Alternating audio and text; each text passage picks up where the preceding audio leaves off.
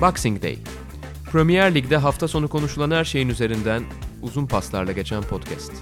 Hazırlayanlar Çetin Cem Yılmaz, Ali Emre Mazlumoğlu.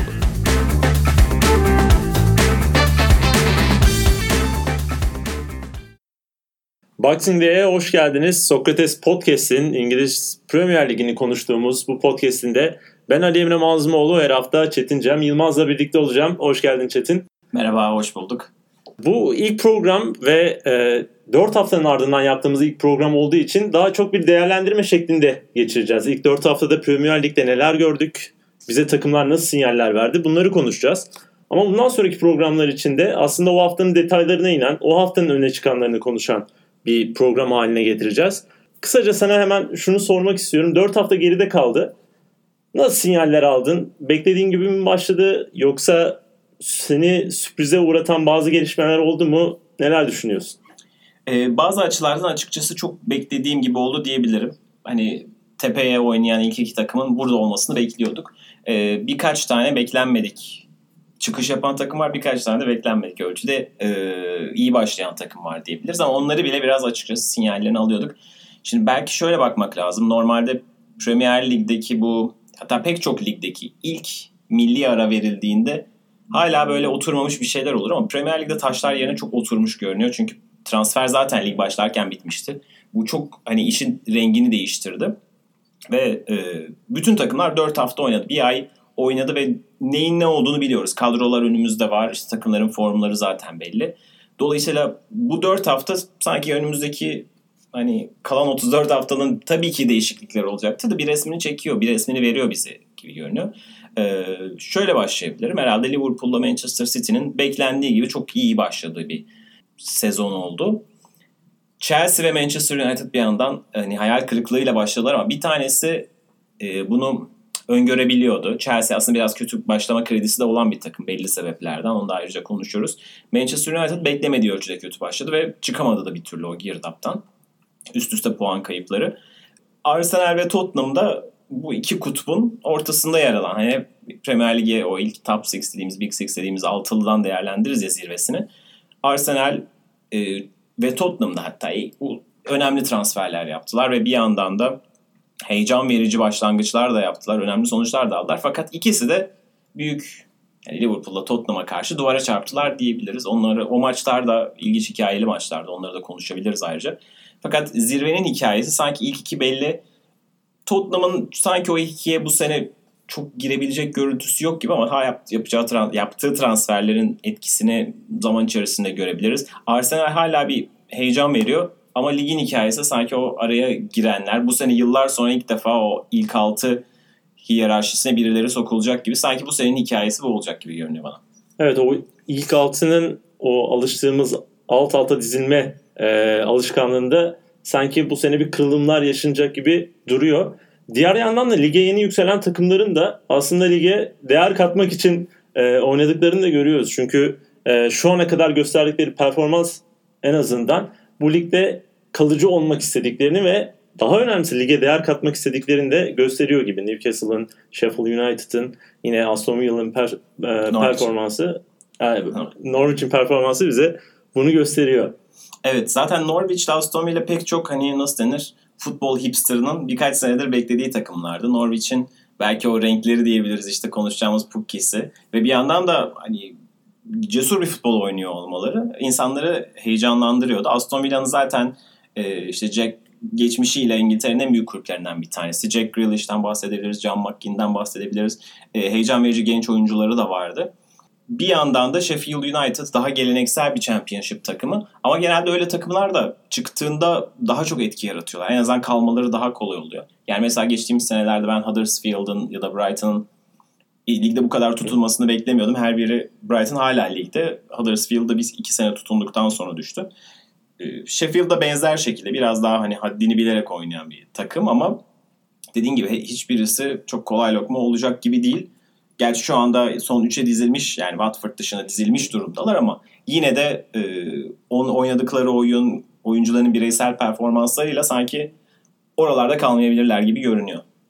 Peki biraz artık e, şampiyonluk adayı iki takıma biraz daha detaylı bakmaya başlayalım. Liverpool ve Manchester City. İki takım da çok güçlü başladı lige. E, Manchester City'nin Tottenham maçı dışında diğer maçlarda çabuk oyunu kopardığını, e, farka gittiğini gördük. Liverpool'un yine 4'te 4 yaparak bazı maçlarda zorlansa da e, artık o 1-2 senedir geliştirdiği bir anda bir gol çıkarma yeteneğiyle mesela Mane'nin ilk e, hafta Norwich'e karşı o acayip golü. Ardından yine son hafta bir e, köşe vuruşundan kazanılan goller. E, yani bu iki takım çok önde duruyor ama bir yandan da aklıma benim şöyle bir soru geliyor. Yani daha henüz 4 hafta geçmiş ve 4 hafta geçen birlikte bu kopma sence yani doğal bir şey mi? Nasıl görüyorsun yani ligin seyrini nasıl etkiler böyle bir şey? Ee, yani şimdi ben de çok emin konuştum. Genelde bu kadar emin konuşmayı da sevmem aslında. Yani tabii ki e, Premier Lig'de oynuyorsunuz ve her zaman size bir takımın çelme takma ihtimali var. Yani işte hep e, şey denir ya işte stok deplasmanı artık stok ligde değil ama işte gerçekten Burnley deplasmanı da bir zordur. Ya da şu anda e, Crystal Palace hala büyüklere kök söktürüyor. Sadece büyüklere değil artık genel olarak bir istikrar yakalamış durumdalar. Oynaması çok zor takımlar var pek çok takımın yıldızları var artık. Yani işte bugün West Ham'ın da yıldızları var, Wolves'un da yıldızları var. Sadece işte ilk 5'e 6'ya özel has bir durum değil yani. Everton da şu anda artık yıldız transferi yapıyor. Premier Lig'de dolayısıyla kesin bu iş e, ko- koparılır işte bu iki takım kopar gider diyemiyorsunuz. Ama geçen sene işte birisi 97 birisi 98 puan almış iki takım var ve ikisi de gücünden pek bir şey kaybetmedi. City birkaç tane ekleme de yapabildi. Liverpool ekleme yapmadı ama işte yani zaten e, düzeyini gösteriyor. Belki City'den şöyle bir bahsedebiliriz. City'de bir soru işareti oluşmuştu sezon başında. İşte Leroy Sané gidecek mi önce Bayern'e? Sonra gitmedi ama sakatlandı. Ama işte kadro geniş ve hani Mahrez hemen devreye girer diye düşünüldü. İlk haftalarda Bernardo Silva pek oynamadı. Geçen senenin flash oyuncularından bir tanesiydi. Ama bir anda Kevin De Bruyne bir önceki sezonki performans döndü. Yeni bir transfer etkisi yarattı adeta. Çünkü geçen seneyi sakatlıkları ve sakatlığı yüzünden bir süreyi kaçırmıştı. Daha sonra hiçbir türlü sanki tam olarak e, takımdaki yerini bulamadı. Daha David Silva ve e, Bernardo Silva e, odaklı bir oyun oynadı e, City. Yani biraz City onu beklemedi geçen sene. Bu sene o tekrar City'ye yetişti ve Kevin De Bruyne inanılmaz başladı. Ya hakikaten yani geçen senenin önemli bir kısmında sakat olan bir oyuncu için bu kadar absürt seviyede başlamak çok ilginç. Hem ligi hem de milli takımı da bir anda evet. domine eder bir performansa dönüştü. Özellikle Tottenham maçındaki yani o oyunu o kadar etkileyiciydi ki çizgiye iniyor oradan orta yapıyor arka taraftan derine inip oyun kuruyor ya da işte ya acayip bir radarı var ve bütün sahayı inanılmaz şekilde okuyabilen bir oyuncu ve ben açıkçası bu kadar iyi dönebileceğini düşünmemiştim. Herhalde çok az insan düşünmüştür ama Kevin De Bruyne bir anda herkesi terse yatırmış gibi. Evet unutmuştuk yani. Yani şöyle tabii ki bu kadar iyi bir oyuncuyu hani üstünü çizmezsiniz ama yani insanın aklına gelmiyordu. Geçen seneki City 11'inde çoğu zaman hani kenarda başlıyordu falan filan. Bir anda dediğimiz gibi hani e, ortalama bir Kevin De Bruyne olarak da geldi. Gerçekten iyi futboluyla döndü. Her hafta ikişer üçer asist yapıyor. Dediğim gibi milli takımda da yine 3 asist yaptı yanılmıyorsam. Ve müthiş bir katkı sağladı. İşte zaten onların pas oyunu çoğu zaman hani boş kaleye tamamlanmış dokunmayla biten gollerle sonuçlanıyor. E, Sterling de bu yüzden harika bir formla başladı. Agüero da sürekli atıyor. Şu anda e, geçen sene Liverpool'lu oyuncuların veya Aubameyang'ın hani üst sıraları doldurduğu o gol krallığında bu sene Sterling ile Agüero yarışacak gibi görünüyor şu anda sanki. Yani güç kaybetmesi tahmin daha doğrusu belki güç kaybeder denen noktalarda hiçbir gerileme yaşamamış oldu City. Belki savunmaları biraz daha problemli görünebilir ama top da oraya gelmiyor yani. Zaten o sorun yaşanmıyor çoğu zaman. Ama şöyle bir problem var gibi. Top oraya gelmese de Laporte'un sakatlığı City için önemli. Yani savunma için değil, hücum için de önemli. Hı. Çünkü şu an ligde en çok pas yapan oyuncu Laporte. Onun ayağından top sürekli geçiyor oyun kurulurken. Ee, bir yandan bakınca zaten Company sezon başında gitti. Fernandinho son maçta oraya girdi. Bir süre orada oynadı. Fena da gözükmedi. Ama sanırım şu anda City'nin en problemli noktası orası gibi gözüküyor. Sence bu bir sorun yaratacak mı ilerideki haftalar için? Yani yaratması yani yaratma ihtimali var ama işte City'nin dediğin gibi çoğu zaman oyunu oraya kadar bırakmaması e, gerçeği var. Şimdi ben mesela 2 sene önce 14 hafta mı 15 hafta mı yenilmemişti City ve hani zaten Ocak ayında şampiyonluğu Evet. ilan etmişti ve daha hani yenilgisi yoktu. Ama oradaki Liverpool maçından önce Ocak ayında herhalde ilk yenilgilerini alacaklar diye düşünüyordum. Çünkü Liverpool o savunmayı test edebilen bir takım. İşte o, o zamana kadar pek oynamayan Oxlade Chamberlain mesela şeyi dağıtmıştı. Yani Otamendi ve Stones'du sanırım bugün çıkan ikili. Ee, yani dolayısıyla şeyi düşürüyor. Ya da işte mesela Kompany'yi de gördüğümde ben genelde şey yapardım. Hani sağlam bir oyuncu ama hataya hani hataya açık falan filan diye. Ama şimdi her takımın tabii ki Salah Mane gibi ya da işte Oxlade Chamberlain gibi şu anlık Fabinho gibi falan bunları test edecek oyuncuları yok. Dolayısıyla problem oraya gelmeden önce hani elimine edilebilir City tarafında. Ama evet bu bir yani kesinlikle bahsettiğin gibi City oyununun temel yanlarından bir tanesi Laporte'un çıkarttığı, başlattığı toplar. Sonuçta o Kevin De Bruyne ya da işte Bernardo Silva'yı ya da işte Rodri'yi ne kadar çabuk bulabilirlerse o, o kadar çabuk başlayacak ve o kanal birazcık kesilirse problem olabilir. Ama bir yandan da bu sene e, mesela Zinchenko beklenenden Evet. daha iyi başladı falan. Hani e, dolayısıyla bir kendi içlerinden de çözüm üretmeyi sürdürüyorlar yani. Bir yandan öyle bir zaten Guardiola deyince akla hemen o geliyor yani. Kriz anlarında yarattığı çözümlerle. Geçen sene mesela sol kanatta Mendy'nin daha doğrusu geçen sene değil ondan önceki senelerden e, başlayan sakatlığı ve orada ilk başta Fab- Fabian Delphi görmemiz. Şimdi Zinchenko'nun 10 numaralardan gelip de orada sol bekte acayip işler çıkarması. Yani bir yandan baktığınızda Laporte Manchester City için çok önemli oyunu oynayış biçimi açısından da çok önemli. Defans açısından da çok önemli ama bir yandan da Guardiola Fernandinho ile o işi çözecek gibi de duruyor. O, o güveni veriyor. Evet. Bir tek belki şu olabilir. Ee, mesela benim için şu ana kadar sezonun en enteresan, en etkileyici maçı Tottenham Manchester City. Yani Manchester City Tottenham maçıydı. O maçta yani ilk 20 dakikada toplu oynama oranları böyle %80'e 20 falan çıkacak gibiydi yani. Manchester City inanılmaz baskı kurdu. Golü de attı. Hani daha rakip hani topun bırak oraya gelmesin Ederson'u görmemiştik bile. Ama bir tane ilk kontratakta golü bulmayı başardı Tottenham. E, Tottenham bahsinde belki ayrıca konuşuruz bunu da. O gün iki tane isabetli şut attılar. Üç şut çektiler. Yani üç şut, iki isabetli şut, iki gol. Dramatik bir hani bir var kararıyla falan maçta kaldılar ve puanı aldılar son dakikada ama yani evet o kırılganlıkları da biraz ortaya çıkaran bir görüntüydü sanki bu.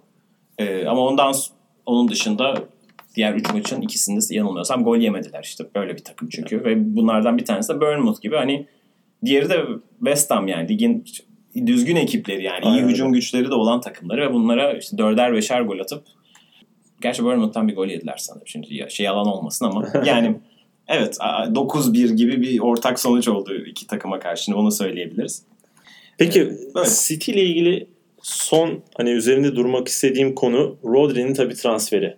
Hemen zaten orada Fernandinho'yu keserek başladı ve şu ana kadar ortaya koyduğu performansla City'nin oyununu bir kat daha sanki arttır, arttırdı hatta bir kat daha çıkma potansiyeli olduğunu da gösterdi. Çünkü çok acayip bir soğukkanlılığı var. Ben en çok ona hasta olduğumu söyleyebilirim. Çünkü zor anlarda özellikle City'ye karşı çoğu takımın önde pasını pas kanallarını kesecek e, taktiğini zaten başta en baştan beri gördük. Çok geride beklemekten ziyade Premier Lig takımları bunu da sık sık yapmaya da başladılar. Önde pres yaparak e, o oyunu durdurma çabaları ama Rodri öyle yerlere girerek o krizden o takımı o kadar iyi şekilde hata yapsa da o sorumluluktan kaçmayarak o işleri o kadar iyi yapmaya başladı ki sanki o konuda da City'nin yani sorun yaşama kapasitesini bir anda sıfıra indirmiş gibi duruyor. Nasıl bir transfer sence? Evet yani çok iyi bir transfer tabii. Geçen sene de mesela e, City kadrosuna baktığımda gelecek sene belki işte Fernandinho pozisyonunda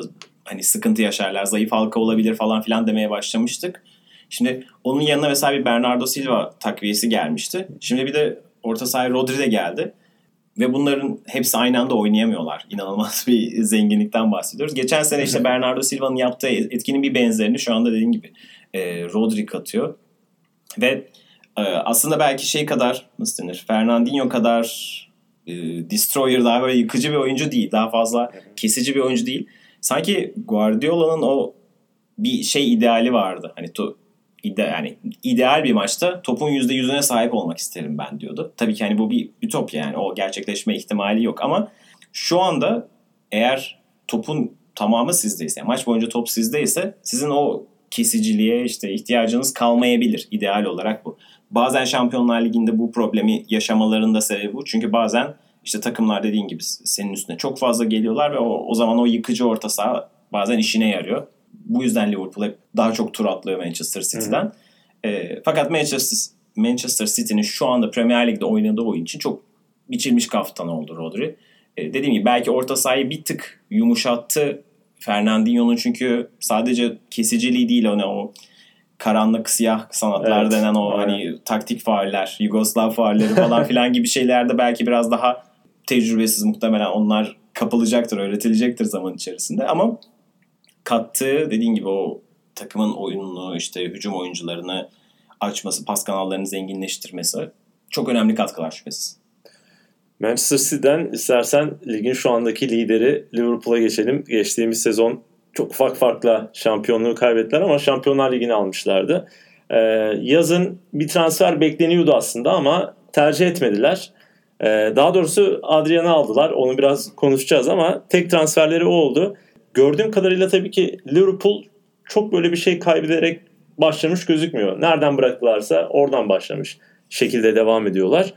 Ama sanki Alisson'un yokluğu şu an için çok bir etki yapmadı ama bundan sonra bir etki yapabilir gibi gözüktü. Özellikle Adrian'ın son Southampton maçıydı herhalde Hı hı. yanılmıyorsam. Oradaki hataları yani o konu sence bir bela olacak mı başlarına ne diyorsun? Ee, ya olabilir çünkü yani geçen sene Alisson'un performansı hani herkes tabii ki işte Mane'den, Salah'tan, Van Dijk'tan haklı olarak hayranlıkla bahsediyor. Belki de Van Dijk hani Ballon d'Or'u da alacak. UEFA'da da yılın sezon Şampiyonlar Ligi sezonun oyuncusu da seçildi.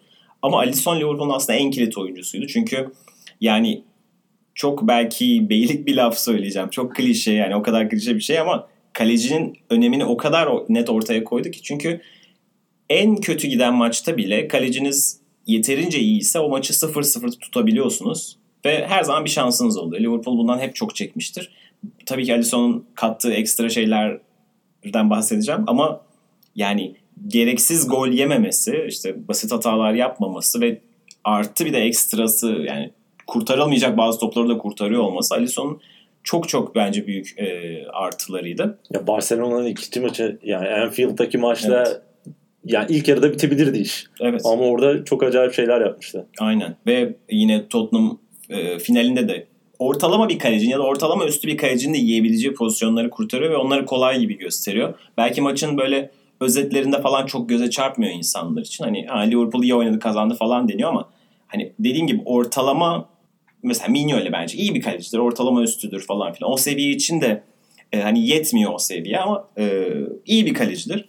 Ama bazı golleri yer ve şey dersin sen yapacak bir şey yoktu. İşte o yapacak bir şey yoktu denen topları da çıkartabilen bir kaleci Alisson. E, dolayısıyla her zaman size hani bir puan cepte gibi başlıyorsunuz yani böyle bir kaleciniz varsa. Ve daha önemlisi e, Liverpool'un oyunu o kadar e, artık e, nasıl denir kusursuzlaşmak zorunda ki çünkü artık her maçı kazanmanız gerekiyor ve aynı zamanda toplu oynama oranı da çok topla oynama oyunu da çok değerli Liverpool için şu anda. Ve e, bu da tamamen Alisson'dan başlıyor. Bunu yine yokluğunda daha iyi anlıyorsunuz. Southampton maçında Liverpool çok uzun süre çıkamadı. İlk 20 dakika falan Southampton'a öyle bir baskı yedi ki bilmeyen birisi Liverpool oynuyor. Southampton çıkamıyor falan der yani formalar falan bilmese. Biz seninle yazışmıştık zaten Evet. Chelsea İstanbul'dan döndüler falan. Arada 2-3 gün var çok sıkıntılı. İlk 20 dakika çok sıkıntılı geçti. Tam puan kaybedecek maç Aynen. gibiydi ama toparladılar. Evet. Orada hatta tam sana şey yazmıştım. Southampton hani belli kan kokusunu almış. Çünkü orada yumuşak karnının Adrian olduğunu görüyor. Adrian belki çok iyi bir kaleci ama Alisson çok ekstra bir pasör. Dolayısıyla o bir pres belki doğru pası buluyor. İkinci preste doğru pası buluyor ama üçüncüsünde artık e, daha riskli şeylere yönelmek zorunda kalıyor. Sonuçta bir kaleciden bahsediyoruz ve sürekli baskıda Liverpool'u inanılmaz yasladılar. Yani bir 5-10 dakika tamamen Liverpool ceza sahasında oynandı ve hani e, Liverpool biraz şanslıydı. Southampton biraz beceriksizdi. Ve o ilk gol gelmedi. Liverpool dediğin gibi işte sonra kırılmadı. İlk golü attı. Bu biraz hani büyük takım emareleri.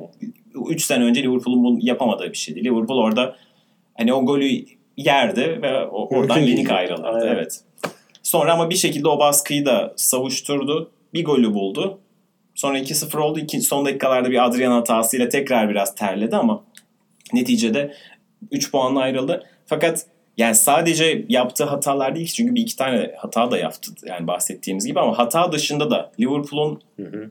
o kaleciden başlayan pas oyununun çok kritik bir ay- ayağı kırılmış oldu. Bence en çok bur- burada problem yaşayabilir Liverpool Alisson'un yokluğunda. Yani evet Liverpool söz konusu olunca hep öndeki üçlü, öndeki üçgen aslında Mane, e, Firmino ve Salah üçgeni çok dikkat çekiyor ama arkada da bir üçgeni var. Liverpool'un o da Alisson, e, Van Dijk ve yanındaki üçüncü şahıs Hı hı. diyelim. Kim olursa olsun o üçgeni kurmayı başarabiliyorlar. İşte o zaman zaman Lovren oldu, Joe Gomez oldu. Şimdilerde Matip. Bu arada Matip de hı. çok, acayip bir performans başladı, evet. gösteriyor. O arkadaki üçlü de Alisson'un yokluğu işte o üçgenin kırılmasına neden oldu ve e, senin söylediğin özellikle geçtiğimiz sezon gördüğümüz o pas oyununu geliştirme emarelerini bu sene tam da göremiyoruz. Çünkü şöyle bir istatistik de var ilginç bir şekilde. Ya pas yapan takımlar sıralamasında Chelsea ve Manchester United'ın gerisinde kaldı bu sene Liverpool ki normalde bunu çok görmüyoruz ve işin daha ilginç boyutu da şu. Uzun topta uzun top yapan takımlar sıralamasında ilk 5'te şu anda. Geçtiğimiz sene 15. Yani ortalama nereden nereye geldi? İşte bu Alisson'un yokluğuyla doğrudan ilgili e, bir şey gibi gözüküyor şu anda. Yani Alisson dönene kadar e, biraz daha Liverpool sanki o anlamda oyunun o yönünü kullanma anlamında zorluk çekecek gibi duruyor. Bana öyle gözüküyor yani. Evet bir ikinci bölgeyi mümkün oldu ikinci bölgeye mümkün olduğunca çabuk geçme, daha direkt oynama gibi bir e, etki olacak gibi. Bunda biraz şunun da payı olabilir. Trent Alexander-Arnold çok daha efektif geçtiğimiz senelere göre. Hem çok önde oynuyor, çok daha fazla e, direkt bindiriyor. Hatta o kadar ki sanırım savunma zaafı oluşturmaya başladığı için bazı maçlarda Gomez'i sağ bekte başlatıyor mesela Klopp. Yani tahminim bundan dolayı onun e, biraz daha arkasını açık verdiğini düşünüyor sanırım.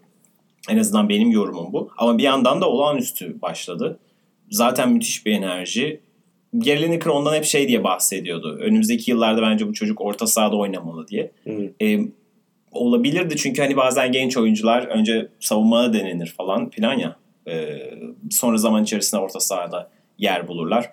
Yanlış biliyorsam zaten Arnold altyapılarda daha çok ön tarafta oynayan daha sonra Liverpool A takımında bek tarafına gelen bir oyuncuydu. İşin oyununu çok iyi bilen tabii bir Hı hı. oyuncu ama bir şey soracağım orada sana. Şimdi bu pas oyununda bir sıkıntı yaşayabiliriz falan dedik. Sen orada Arnold'un katkısını vurguladın ama sanki bir kurtarıcı devreye girdi bu sene. Fabinho.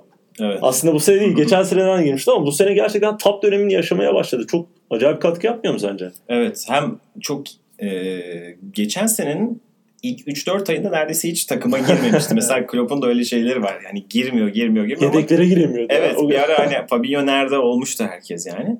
Ama bir yerden sonra takımın gerçekten kilit oyuncularından bir tanesi oldu. Ee, şimdi mesela Wijnaldum giremiyor. Böyle enteresan ya da kenardan gelip katkı yapıyor falan filan. Ama gerçekten şu anda o orta üçlünün ilk yazılacak isimlerinden bir tane. ilk yazılacak ismi oldu hatta. Hani Anderson'dan bile önce yazarım herhalde. Fabinho şu anda oranın tek hakimi oldu. Hatta az önce sen işte Liverpool hamle yapmadı, transfer hamlesi yapmadı falan diyorduk ya. Biraz aslında geçen sene kullanamadığı bazı isimlere belki güvendi yine Klopp. İşte geçen seneyi tamamen sakat geçiren Oxlade-Chamberlain ya da işte bir var bir yok Keita bir türlü tam bekleneni veremedi. 75 milyon 80 milyonluk bir transfer aslında. Yani Liverpool'un iki sene beklediği bir oyuncu Evet. yani gerçek anlamda. bir sene önceden aldı Evet bir sene önceden aldı falan peşinden koştu. Sonra geldi bir türlü olmadı. Ama bu senenin bir yerinde Keita da devreye girecektir yani sağlıklı olduğunda. Ee, sanırım onlara da bel bağlanıyor. Ama bütün bunlar içinde gerçekten Fabinho şu an orta sahanın dediğim gibi hani ilk yazılacak ismi. Belki de hücumda biraz kısaca Mane'den de mi bahsetmek lazım? Yani hani hep gözler Salah'ta, o Salah'taki o yıldız potansiyeli başka Sen bir şey o ama. hücuma söylemeden önce bir soru soracağım. Onun eşliğinde açıklasan daha iyi olur gibi geliyor bana. Son maçta biliyorsun Salah'la Mane arasında bir tartışma vardı. Mane de oyundan çıkarken bu patladı artık. Ee, yani o gerilim demek ki bir birikmiş. O oyundan çıktığı anda patladı. Bir Salah'ın bencil oyunu var mı? Liverpool'u etkiliyor mu? Mane buradan kendine nasıl pay çıkarmalı ya da Liverpool orada nasıl katkı yapabiliyor Salah'la bu ilişkisi içerisinde? Bunları değerlendirerek istersen kapatırız yavaş yavaş. Ee, ya şimdi bir klişedir ya golcü dediğim bencil olacak falan. Aslında ikisinde de belli açılardan bencillik var. Yani e, gerçekten egoist e, oldukları hani pas vermeleri gereken yerde vermedikleri falan pozisyonlar direkt kafamda canlanıyor ikisinde de. Ve ikisinde de bazı off günler oluyor ve gol kaçırdıklarında daha da çok sinirleniyorlar. Daha da çok kaçırmaya başlıyorlar falan filan. Ama bilmiyorum belki geçen sene ikisinin ligi eşit gol sayı, sayıda golde bitirmesinin etkisi mi bilmiyorum. belki bu sene daha fazla sayılara fixlenmiş durumda ikisi. Ama hani çözülecek bir problem olarak görüyorum ben bunu. Ama enteresan şekilde Salah mesela deplasmanlarda devreye giremedi henüz. Deplasmanlarda gol yok. E, Mane de o deplasmanlarda kilidi açan oyuncu oldu. Hem Burnley'de hem de e, Southampton'da. Böyle enteresan bir şeyleri var şu anda. Hani birbirlerine artı eksi gibi tamamlıyorlar. Yani muhtemelen çözülecek bir problemdir ama hani bir bu kadar fazla gol muhabbetinin döndüğü bir takımda iki tane golcünün bulunması bir şey tabii ki yani nasıl denir? Ee, kolay bir şey değil yani ikisinde de artık bütün futbolcular gol sayısına çok daha fazla bakıyor. Yani eskiden 15 yıl önce bir önemli olan takımın kazanması muhabbeti vardı ya. Sözde yani, devam ediyor hala evet. ama ama bütün oyuncular biliyorlar kaç tane gol attılar. İşte o penaltılar bile önemli. İşte dolayısıyla biraz onlara fixlenme durumu oluyor herhalde yani. Bu da yeni bir realite. Messi Ronaldo çağının bir getirisi gibi sanki. O gol sayıları artık o kadar önem kazandı ki o o kadar attı attı attı attı falan. 100, 200. Bütün oyuncular için o artı birlerin, eksi birlerin çok çok fazla önemi var artık. O zaman biraz bu ilkin dışına çıkıp aslında sezon öncesi bu ikinin hemen arkasına eklenecek belki bu ikisi arasındaki farkı kapatabilir mi? Ee, onlara daha yaklaşabilir mi diye düşündüğümüz Tottenham'a e, geçelim. Ya bence bu transfer sezonunun bu arada kapanmasının en büyük katkısı transfer bu arada yapmamasına rağmen Tottenham olacak. Çünkü yani e, Eriksson gidecek mi? Eriksen gidecek mi? İşte savunmada Alderweireld var, Vertonghen var. Onlar gidecek mi, kalacak mı? Bir şöyle bir sorular bütünü içerisinde geçen bir 4 hafta vardı. Tam böyle fokuslanamamıştı takım bir türlü. Hatta şey diye gözüyle bakıyorduk yani. Son maçta Eriksen golü attı. Vay be adam son maçında bile ne karakterle oynadı falan diye. Böyle değerlendirenler de oldu ama bu transfer sezonu geçti ve Tottenham artık önünde bakabilecek bir durumda. İyi başlamadı. Bir galibiyet, iki beraberlik ve bir mağlubiyeti var ligde. Ama sanki bu transfer sezonundan sonra biraz daha o biraz da fikstürün de azizliği vardı. Kendini bulacak gibi duruyor. Evet bir yandan e, ya Tottenham aslında çok uzun zaman sonra çok iyi bir yaz geçirdi. Hem zaten dediğin gibi bahsettiğin hiçbir yıldızını kaybetmedi ki bu artık günümüz piyasasında bir zafer sayılır yani. Tottenham ayarındaki takımlar evet, için. Evet kesinlikle. Yani bunu Liverpool'da çok yaşadı çünkü daha birkaç sene öncesine kadar Salah'ın ilk parladığı sezon sonunda bile ben hani şey korkusu vardı ya Salah satılırsa falan. Madrid'e gidecek. Madrid'e giderse falan. İşte Chelsea'nin işte omzunda demokrasinin kılıcı gibi Hazard'ı alacaklar mı almayacaklar mı yıllarca döndü ve aldılar sonunda da hani Hazard misyonunu tamamlayıp gitti. Hani en azından yarı yolda bırakmadı Chelsea'yi denebilir. O eğer Manchester City değilseniz bu sizin için bir risk yani. İşte Kane'i, Son'u, Eriksen'i kaybetmemesi büyük bir avantaj. Bu bir kendi içinde bir zafer ve ilk ilk defa Endombele geldi, Lo Celso geldi. Gerçi sakatlandı Lo Celso ama e, çok önemli et, eklemeler oldu. Çünkü ön tarafta artık geçen sene yani şaka gibi şeyin sonuna kadar gelmişlerdi. 12 adamla falan bitirdiler sezonu. Dolayısıyla daha iyi bir başlangıç bekliyordum. Evet zor bir fikstürle başladılar ama açıkçası pek adapte görünmedi yani takım. Ki yeni transferlerden de hani özellikle Endombele'den çok iyi kat kaldılar ilk haftalarda. Ee, hani şeyden çıkana kadar, rotasyondan çıkana kadar ilk 3 hafta yanılmıyorsam oynadı ve ilk 2 hafta pardon iyi oynadı. İlk hafta zaten evet, tam transfermiş falan diye. Aynen. Tam işte o aranan evet. ada, işte aranan kanmış falan muhabbeti döndü. Ama şimdi 4 maçına bakıyorum. Böyle öne geçtiği şey bir maç yok. İlk gol attığı maç sanırım sadece Arsenal'le karşı ilk golü attılar. Onun dışında sürekli zaten o geriye düşüyorlar ve onu çıkartmaya çalışıyorlar. Ee, Arsenal ve City maçları oyun anlamında enteresan. Aslında skor, skor anlamında City'den iki, e, City'ye 2 puan bıraktırmak, City deplasmanında 2-2 ile dönmek başarı sayılabilir. Ama oyun olarak bayağı ezildiler yani. Tottenham'ın da bu kadar da darmadağın olması. Kalesine 30 şut çekti, çekildi. Kendisi 3 şut çekti. Bu kadar e, ezilmesini beklemiyordum. Ben evet işte Eriksen gidecekti falan sakatlar var. Hala tam kadro değil. Evet ama yine de o his şeyi olmadı yani. Beni çok o anlamda tatmin etmedi. Ama enteresan olan Arsenal maçında da benzer şekilde topu tamamen rakibe bıraktılar ve biraz Klopp'un ilk zamanlarındaki gibi hani kontrataklarda çok canını yaktılar. Arsenal maçı da aslında 2-2 bitti ve Arsenal galibiyeti kaçırdı gibi görünüyor. Ama e, Lennon'un çok kritik kurtarışları oldu ve o maç çok beklenmedik bir farka gidebilirdi bir yerden sonra. Çünkü Arsenal kırılgan bir takımdır. Hani konuşuruz Kesinlikle. kırılmamaları büyük Aynen. başarı yani.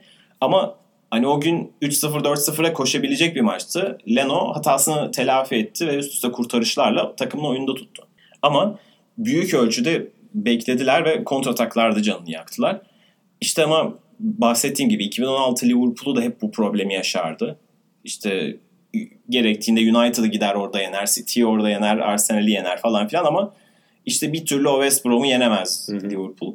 Şu anda da e, Newcastle'a evlerinde yenildiler. Aston Villa önünde galibiyeti son 15-20 dakikadaki 3 golle kurtardılar. Dolayısıyla o anlamda sanki bir oturtmaları gereken bir şey var gibi görünüyor. Yani o aşmaları gereken bir dilema var. Klasik kendi evlerinde daha güçsüz, orta sıra, alt sıra takımlarına karşı ne yapacaklar problem var. Newcastle karşısında yani hiçbir şey üretemediler. İlk yarıyı sanırım tek şutla bitirmişlerdi. Yani oyunu oynamaya çalışıyorlar ama hiçbir üretim yok. Ee, hı hı. Yine benzer şekilde bahsettiğim gibi yani Eriksen son dakikalarda girdikten sonra bir şeyler e, yaratmaya başladılar falan filan ama yetmemişti o maçta da. Ben de yani o şey durumundayım. Şu ana kadar çok iyi sinyaller vermedi. Özellikle ben hani Tottenham deyince ikinci yarıda sahaya çıkan belli değişiklikler yapan ve takımı rakipleri boğan bir takım.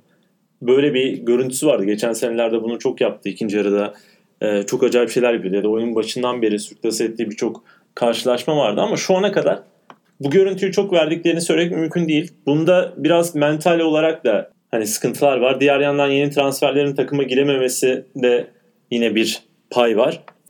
Benim gördüğüm kadarıyla öndeki iki yani City ve Liverpool'a bir adım yaklaşmaktansa ilk dört haftadaki sinyal bir adım uzaklaştığı şeklindeydi.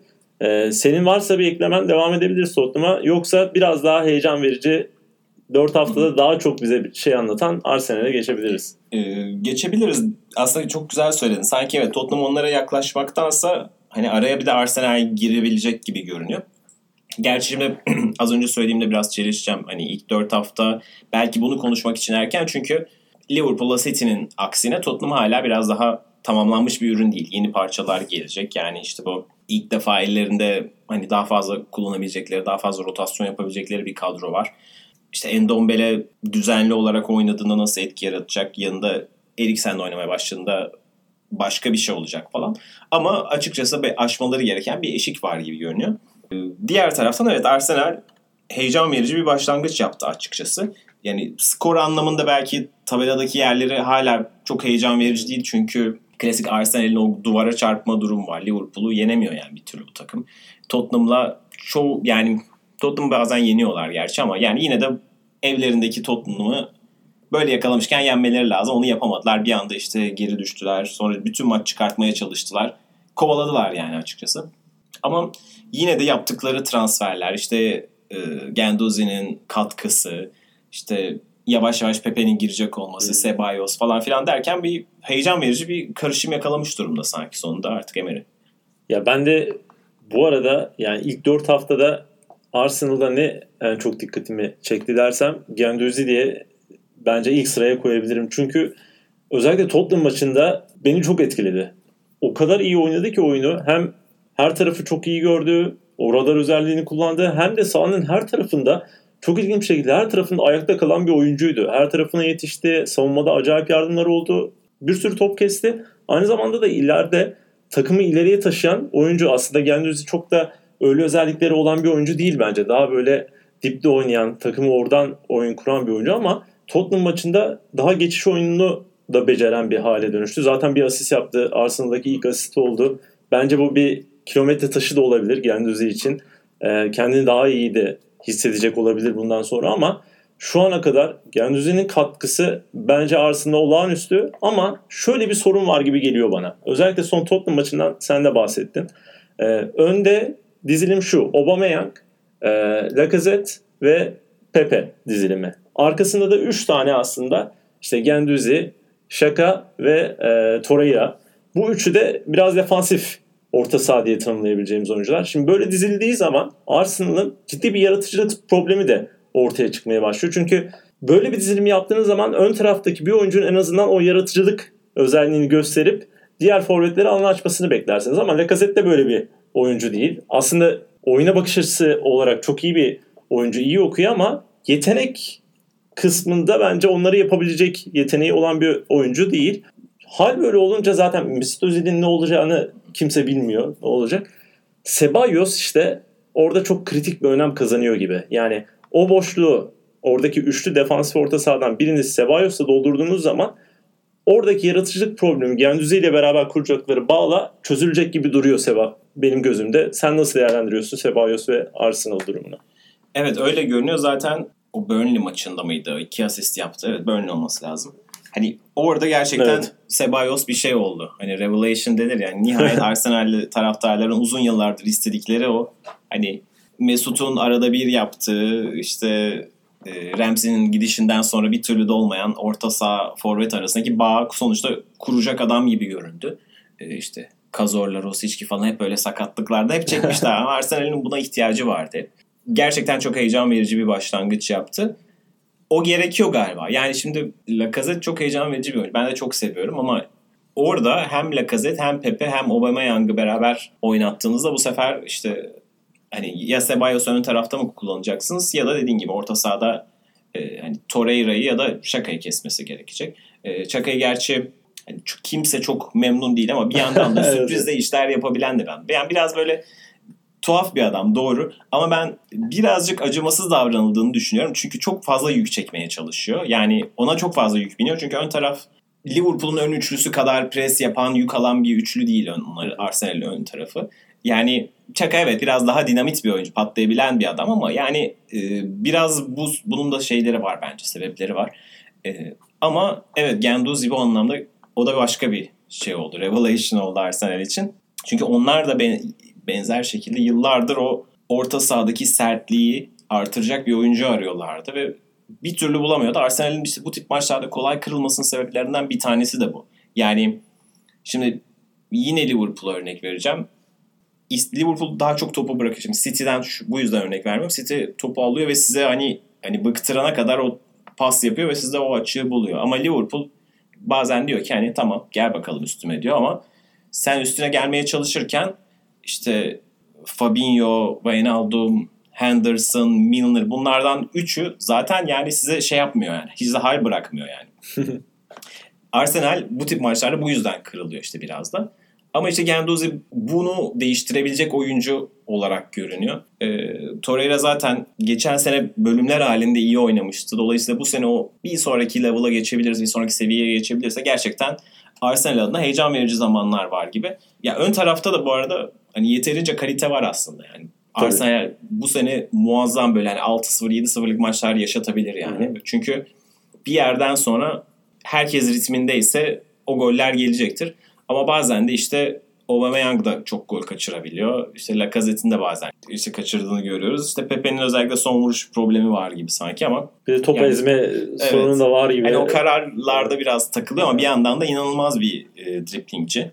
E, Premier Lig'de fark yaratacaklar yani o kesin. Ama işte Arsenal o hep her sene Arsenal'de gördüğümüz bazı sorunları sanki yine yaşayacak gibi görünüyor ama en azından bu sene daha fazla e, güvenilir oyuncuları var. Yani sadece işte Mesut Özil'in canını isteyip istememediğine ya da sağlıklı olup olmadığına bağlı değil Arsenal. Çünkü artık güvenebilecekleri daha fazla oyuncu var ve bunlar daha istikrarlı, daha düze, belli düzeyde olan oyuncular gibi görünüyor. Bakalım. Arsenal'ın her zaman yaşadığı problem deyince istersen bir David Luiz'i ve defansı da konuşalım. 8 milyon Euro belki evet bu adamı aldık kaçırdık gibi bir e, şey yaratabilir. Çünkü şu anki piyasaya göre 8 milyon Euro'yu düşündüğünüzde çok ufak bir rakam gibi duruyor olabilir ama yani David Luiz'in Arsenal'a katkısı olacak mı olmayacak mı ben bundan çok emin değilim. İlk 4 haftada da buna dair olacak en azından olacak kısmında net bir şeyler söylemedi bize. Hatta yani Tottenham maçında o Eriksen'in golünde falan yani dolaştı sahada hiç oyunla alakası yok gibi bir görüntü çizdi. Yani çok iyi bir hamle olmamış gibi yani Arsenal savunmasında hala sorun yaşayacak bir görüntü var. Evet yani hani sürekli çok eleştirdikleri işte Mustafi'den çok bir upgrade oldu mu olmadı bir yandan ama bir yandan da işte David Luiz'in de katacağı bir hani arada bir nasıl denir tamam güzel friki katacaktır. Arada pas kalitesini yükseltecek doğru. Ama bazı açılardan da saç başta yoldurabilen bir oyuncu ve bazen de hani bu adam ne yapıyor diyorsunuz ya da bazen komik durumlara düşüyor.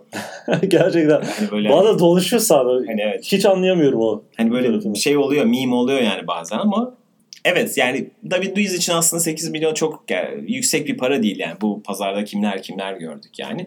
Ama gerçekten Arsenal için gerekli miydi? Arsenal başka bir stoper bulamaz mıydı? Ee, bulabilirdi.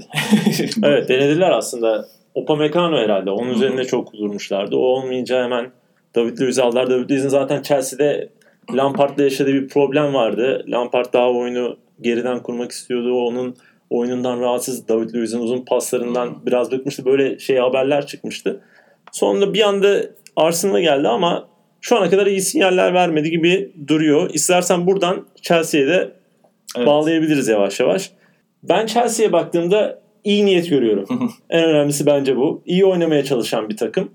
Sezona da acayip sezonun ilk 20 dakikasına diyelim. Çok acayip başladılar. Manchester deplasmanında çok iyi bir görüntü vermişlerdi ama sonra bir anda kırıldılar ve 4 maçta 9 gol yiyen bir takım haline geldiler.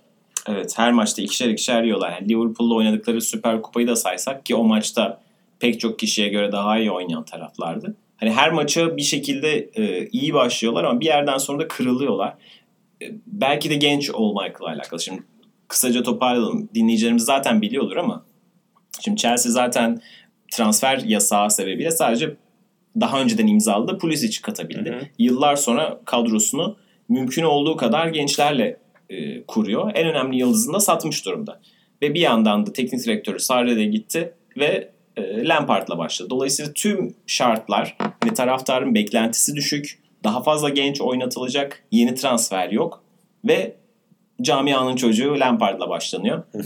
hani pek çok pozitif şey var gerçekten burada. Ve Chelsea taraftarlar da bunun bilincinde e, bolca kredi veriyorlar. Yani şimdi normal şartlarda Chelsea sezona 4 maçta e, 5 puanla başlamış olsa hani teknik direktör Tabii. kalmazdı ortada yani. Ne iyi baş ne teknik direktörler kovuldu yani. İki sezon şampiyon olan Mourinho'nun kovulduğunu gördük yani biz. Şu anda bak başka bir beklentiyle sahada Chelsea ve işte Mason Mount'tur, e, Temi Abraham'dır çok iyi başladılar sezona. Pek çok Chelsea taraftarında görmek istediği de buydu zaten bir dolu oyuncu var. Kimisi böyle altyapıdan geliyor, kimisi işte alınmıştı, genç yaşta kiraya gitmişti falan filan. Bunlar oynasın istiyordu yıllardır insanlar. Ve bunlar da pozitif etki yaratıyorlar. Ama şimdi savunmada da yine benzer isimlerden bir tanesi. Yani yıllardır oynasın falan denen işte Kurt Zuma yani tam bir saatli Evet. bomba. Yani çok gereksiz bir penaltıyla gerçekten hani sezonun belki de şeklini değiştirdi şey adına. Yani e, Chelsea adına çok gereksiz bir penaltı yaptı ilk maçta. Çok iyi oynadıkları bir maçta o ilk golü bulamadılar ve yediler. Sonra da her kontratakta dağıldılar. Açıkçası tarihin böyle en enteresan 4-0'larından bir tanesidir herhalde bu. Yani hiç aslında oyun hakkı gerçekten 4-0 değildi. Hani en azından bir tane atmaları gereken hani maksimum 3 tane ya da 2 tane yemeleri gereken bir maçtan 4-0'la ayrıldılar. Ve onlar adına kötü bir başlangıç oldu. O biraz da sezonun rengini belli etti onlar adına. Ama diğer taraftan da sürekli yakalanıyorlar. Yani her öne geçtikleri maçta yakalan- yakalanıyorlar. Liverpool'a karşı bunu yaşadılar Süper Kupa'da. Ee, Sheffield United'a karşı 2-0'dan yakalandılar. Yani dolayısıyla burada sürekli gollü beraberlikler alan bir türlü o istedikleri o kırılma galibiyetini alamayan bir takımlar. Ama bir yandan da dediğin gibi iyi niyetli, hücum oynamaya çalışan pozitif bir takım var. Çok e, keyifli bir şeyleri var yani pas trafikleri var ve genç oyuncuların olmasının da etkisiyle işte yani sürekli golü düşünüyorlar. Çok eğlenceli yani.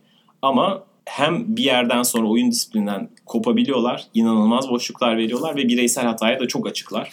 İşte hem işte Zuma'dan bahsettik. En önemli kırılma o oldu.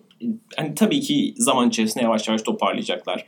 Çünkü birazcık bazı oyuncularda ağırlığını koyacaklar diyebiliriz işte Kante'dir.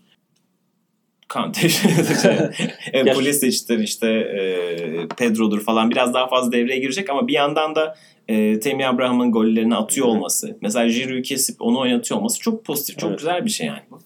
E, bu anlamda Frank Lampard'ın hala kredisi var ama yani Premier Lig'de hiç kimsenin sonsuz kredisi yok. Dolayısıyla biraz artık maç kazanmaya başlamaları gerek yani.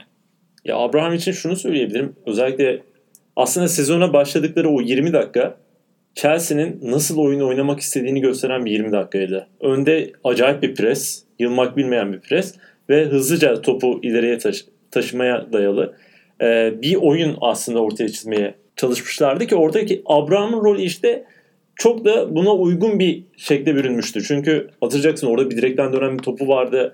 Bir anda aralara kat birkaç topla buluşup tehlike de yaratmıştı o maçta. Çok iyi sinyaller vermişti. Yani Chelsea'nin bu oyununda Abraham'ın e, bu sene biraz daha yıldızının parlayacağını düşünüyorum. Kendisine uygun bir oyun. Ama mesela savunmada 9 gol yiyen bir takım için ilginç istatistikleri var Chelsea'nin. Mesela rakibine en az orta yapma imkanı veren takım şu ana kadar Chelsea. Ee, en fazla top kapan takım yine Chelsea. Bunun tabii oynadıkları e, önde yaptıkları dehşetli pres diyeyim. Onunla da ilgisi var. En fazla top arası yapan takım yine Chelsea. Yani bu savunma istatistiklerine baktığımızda Chelsea'nin hep yukarılarda olduğunu görüyoruz. Peki problem nerede? Problem senin de altını çizdiğin bireysel hataların da bir yandan çok olduğu bir takım haline dönüştü. O nedenle ben özellikle işte Rudiger'in biraz dönecek olması, ardından Kante'nin takımda daha ciddi rol olacak olması muhtemelen lideri gibi bir duruma da dönüşebilir. Bu iki oyuncunun gelmesiyle birlikte bireysel hataların azalacağı ve istediği oyunu daha rahat oynayabilen, en azından öne geçtikten sonra daha fazla koruyabilen kendi oyununu bir takım haline bürüneceğini düşünüyorum ve bana nedense ilk 4 haftada yanılıyor da olabilirim ama ilk yani ilk 4 belki kopabilir ama en azından ilk 4'ün ardına yine oralarda yarışabilecek bir takım havası verdi şu an her ne kadar e, alt taraflarda da olsa öyle görüyorum Chelsea'yi. Yani şimdi genç takımlarda biraz o kritiktir. Birkaç galibiyet işin rengini değiştirir ve o galibiyetler artık hani almaları lazım. Çok fazla tahammülleri kalmadı şimdi. Ee, yani zor fikstürleri de bir yandan devam ediyor aslında. Wolves deplasmanına gidiyorlar sonra Liverpool'la oynayacaklar. Yani ondan sonra biraz daha nefes alabilecekleri bir periyod başlıyor. Gerçi belli olmaz. Şimdi Süper Kupa'da Liverpool'a bir e, çelme taktılar sayılır. Yani en azından 90 dakika özelinde, 120 dakika özelinde beraberlikte tuttular Liverpool'u. E, ligde tabii Liverpool'un benzer mi olur, konsantrasyonu farklı mı olur bilmiyoruz ama yani dediğim gibi artık o 3 puanların biraz gelmesi, biraz üstlere atması lazım kendisinin Chelsea için. E, hani o dediğim gibi o kredi bir arada tükenecek çünkü. O zaman Top 6'in e, diğer bir parçasına, son parçasına geçelim. Manchester United yani bir galibiyet, iki beraberlik ve bir mağlubiyetle başladılar. Yani ben Manchester United program öncesinde de düşünürken yani ne konuşabiliriz, dikkat çekici ne var diye düşününce ya bir kaos var gibi. Her tarafta bir soru işareti var. Yani bu takımın ön tarafı ne olacak? Hani arka dörtlüde en azından bir bir şey var yani. O, Onu oturttular. Evet, azından, evet. Bayağı iyi gibi gözüküyor orası ama özellikle orta saha yani orta saha ne olacak? Bu takım nasıl bir oyun planına sahip olacak falan diye düşünürken ben bir yani üzerine basarak konuşabileceğimiz bir nokta bulamadım. İstersen böyle bir toparla sen. Yani hem orta sahada hem de forvette Manchester United neden sezona böyle başladı ben hala anlamış değilim. Yani hala ben Lukaku satılırken mesela arkadaşlarıma soruyordum ya şimdi bu adamlar satıyorlar ve kimseyi de almayacaklar. Yani gerçekten Rashford ve e, hani Martial o da buçuk yani tam bir santrfor. Bir buçuk santrforla mı sezona başlıyor Manchester United diye soruyorum. Hani birisini alacaklardır herhalde. Almadılar almadılar 1 Eylül bitti. İşte onlar da orta saha için de Bruno Fernandes için de çok peşinden koşular alamadılar ama e, savunmaya ve yani stopere ve sağ beki 130 milyon harcayan bir takımın orta sahaya ve e, forvete bu kadar da belirgin eksikleri varken hiç el atmaması yani akıl almaz. Hani United'ın bu kadar kötü başlamasını bekliyor muydum? United'ın kötü iyi bir sezon geçirmemesini bekliyordum. Bu kadar kötü başlamalarını beklemiyordum. Evet hani Palace ve Southampton maçlarından galibiyetler alabilecek bir takım falan diye düşünürdüm. Ee, ama hani o ilk hafta biraz da oyunun tam anlamıyla göstermediği şekilde 4-0 kazanmalarının ardından 3 haftadır kazanamıyorlar. Ee, pozitif bir emare de yok. Şimdi tabii ki onların pek çok problemi var. Ee, hala Pogba sorunu çözülebilmiş değil. Rashford belli açılardan çok yetenekli bir oyuncu, çok hızlı bir oyuncu. Ama Manchester United'ı sezon boyunca taşıyacak santrfor asla değil. Değil. Asla da olamaz yani. Hani asla olamaz demeyeyim. Belki 3 yıl sonra öyle bir oyuncu olabilir. Yani şimdi doğru oyuncu daha doğrusu doğru oyunda parlayacak bir oyuncu da olabilir. Liverpool sistemine koysanız belki Rashford Mane'nin yerine koysanız mesela solda size sezon boyunca 15-20 gol atan bir oyuncu olabilir gayet yani. Ama Manchester United'ın ilerideki tek oyuncusu 9 numara olarak o kadar golü atamaz. Yani o kalabalıkta olması gerekiyor. Kendisine pozisyon yaratacak oyuncular gerekiyor. İki tane stoperle boğuşması doğru olmaz. Onun biraz daha e, rolü dağ, dağıtabilecek insanlara ihtiyacı var çevresinde. de o tarafta yani oyunun hücum yönüne liderlik edebilecek bir oyuncu da gerekiyor ama Rashford'da anlattığın e, şeyler üzerinden bu özelliği de yok Evet. Rashford'un. Oralarda ciddi problem var ama iyi bir yanda herhalde sadece 17 milyon euro vererek takıma kattıkları Daniel James. Evet. Yani inanılmaz bir hız bir kere baş döndürücü bir hızı var ve çizgiye inebiliyor, rakibini geçebiliyor, sağa çekip birden şut da atabiliyor. Yani her şeyi yapabilen, bütün forvet olmanın özelliklerine sahip olan bir oyuncu var ki sık sık ceza sahası içerisinde de görüyoruz. Goller de attı. Ama iyi yanı o ama demeyeyim iyi yanı bu. Hı hı. Bunu Evet. istersen konuşabiliriz. Aynen öyle. Ee, belki Manchester United için aslında böyle bir yol olmalıydı. Hani Daniel James gibi birkaç daha parça bulup hani bu sezon bu çocuklar bakalım ne yapacaklar e, olayı denenebilir. Çünkü Scott McTominay de e, fena başlamadı aslında. Hani hala biraz beklentilerin altına kalacağını düşünüyorum ama yine de hani bir e, bir pozitif yani bir değer yani Scott McTominay'di benzer şekilde. E, Daniel James de harika başladı ama işte bu parçalar biraz daha hani yan parçalar ama hani nasıl denir bir dolu yan yemek var ama ne bileyim işte salata, salata var, patates kızartması var falan böyle Rus salatası var ama o ana yemek yok şu anda sahada. Belki Pogba'yı satmayı düşündüler ve satamadılar o yüzden e, yapamadılar diye düşünebiliriz. Ama e, United'da böyle bir problem var. Bu arada geçen sene boyunca e, Mourinho'nun kovulmasından itibaren İngiliz spor yazarlarının özellikle analitikle haşır neşir olan spor yazarlarının çok altın çizdiği bir şey vardı. Manchester United'ın aslında e, hani o XG dediğimiz gol beklentisi, kalite, pozisyon hazırlama kalitesi belirgin olarak yükselmiş değil. Sadece Manchester United e, pozisyonları daha iyi değerlendiriyor ve bir şekilde daha az yiyor. Aslında oyun kalitesi bu anlamda çok fazla değişmiş değil ve bu bununla ilgili şöyle bir şey vardır. Bir sav vardır daha doğrusu.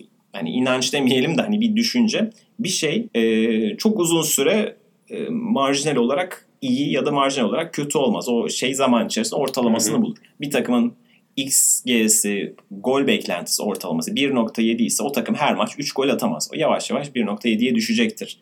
Ve atamamaya da başlar. Geçen sene e, United'a hani doğru takviyeler yapılmazsa bu hikayelerin böyle olacağı ortaya açıkçası açıklanıyordu yani söyleniyordu. Dolayısıyla çok beklemediğim bir e, sonuç değil ama Solskjaer yine ilk döneminde yaptığı yani gelir gelmez yaptığı şey takımın moralini yükseltmek. Bazı işte genç yıldızların da potansiyelini işte maksimize etmekti. Bunu yapabilecek mi göreceğiz. İşte mesela Pogba, Lingard gibi oyuncular hani birazcık devreye girerse Manchester United biraz daha toparlayacaktır.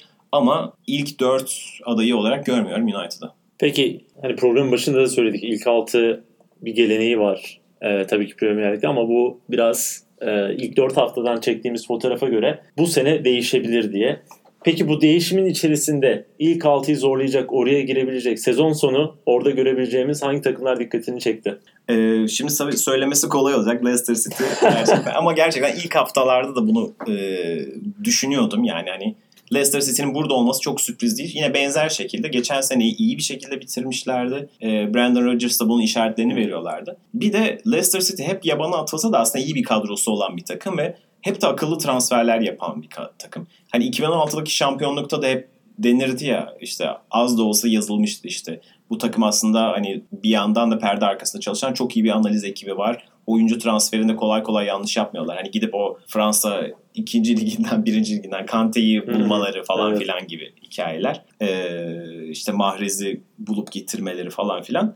Gayet güzel ve dengeli bir kadroları var. Yani ben hani Manchester United'ın çok arkasında kalan bir kadro olduğunu düşünmüyorum. Hani sahaya çıktıklarında şu anda Leicester United'la oynasa Leicester'ı favori görebilirim yani. Orta saha bakımından özellikle yani oradaki üçlü Tielemans, Madison arkalarında Ndidi Ya bu Evet. bu üçlü aslında öndeki Vardy ile de düşündüğümüzde iki oyunu birden çok rahat yapabilecek, ge- geçiş sağlayabilecek bir takım. Yani bir yandan topa sahip olup yavaş yavaş e, rakibin üzerine gidebilecek, pas kanalları yaratabilecek bir takım. Bir yandan da Vardy'nin özelliğini kullanarak bir anda patlayıcı uzun paslarla e, ileri çıkabilecek bir takım ki Brandon Rodgers da onun yöntemini çok iyi buldu. Son iki haftada iki tane biri Chilwell'in asistiydi. Diğerini kim yaptı hatırlamıyorum ama iki uzun pasla Vardy'yi buluşturup direkt gole çevirdiler.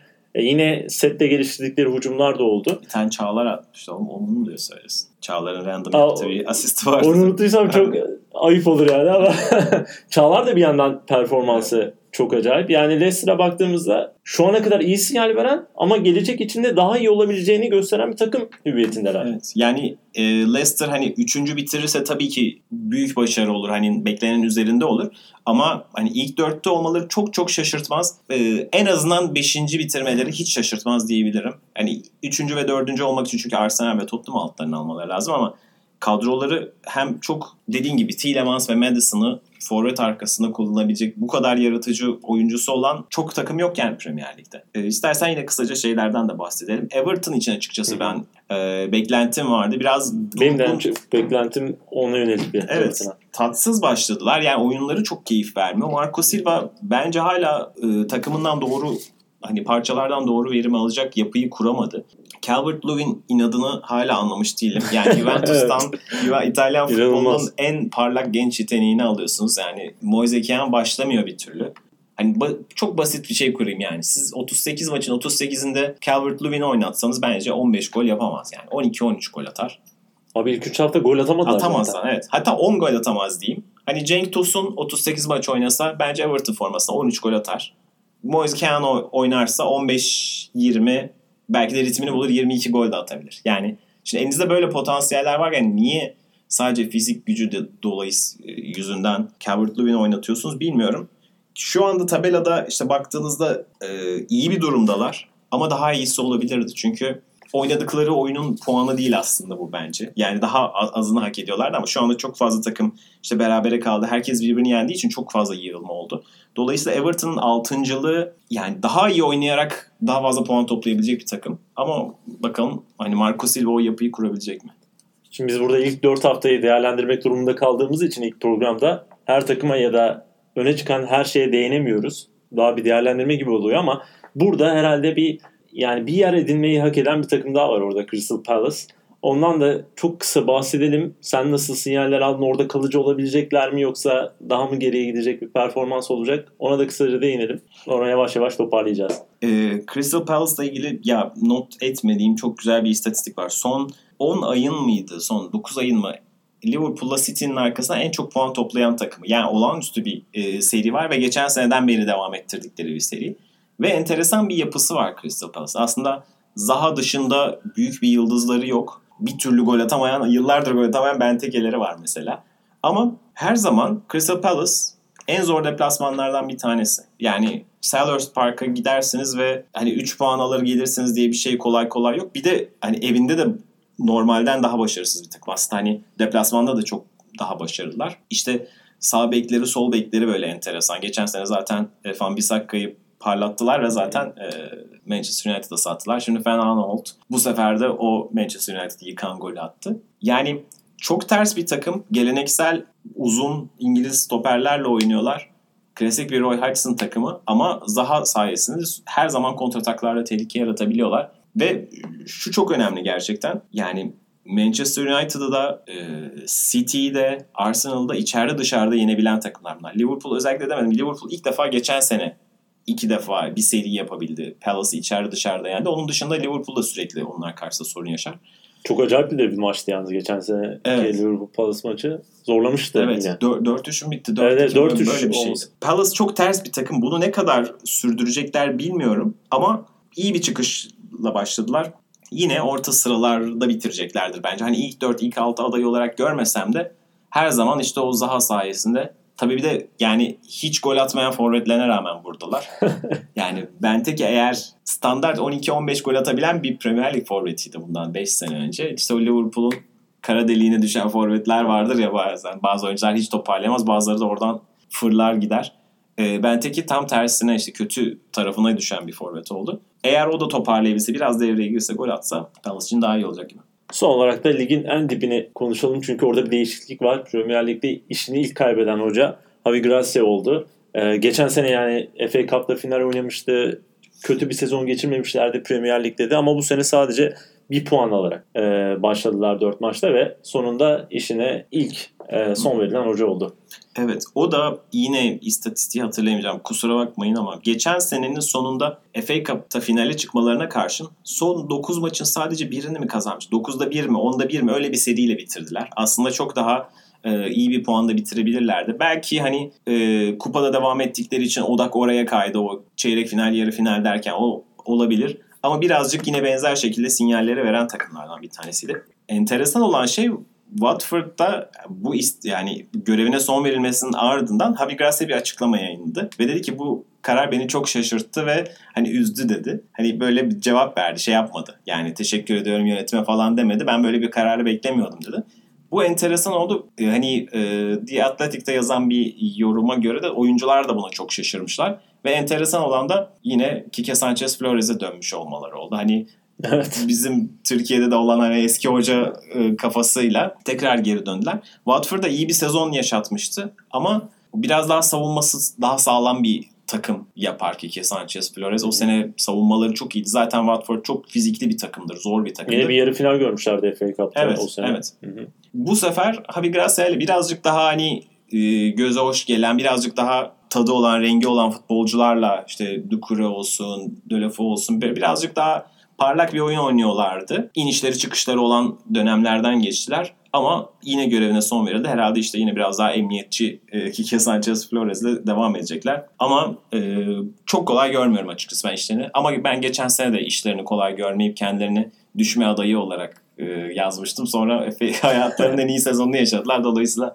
bilemiyorum şimdi. Ters konuşmayayım. Ona da ilginç olan Gino Pazzo 2012'de Watford'u satın aldı ve şu an 11. teknik direktör olacak. Yani 7 sene içerisinde sürekli bir teknik direktör değişikliği. Bakalım yani bir orada bir istikrar sağlayabilecekler mi ama sa- sağlamazlarsa düşme adayı olmaktan hiçbir şekilde kurtulamayacaklarını herhalde e, görebiliyoruz. Programı burada bitiriyoruz. Değinemediğimiz şeyler var. Puki var mesela. Evet Puki özür diliyoruz Puki'den yani. Puki'yi bu hafta konuşuruz yani inşallah gol atar da. Fantezi takımında var mı?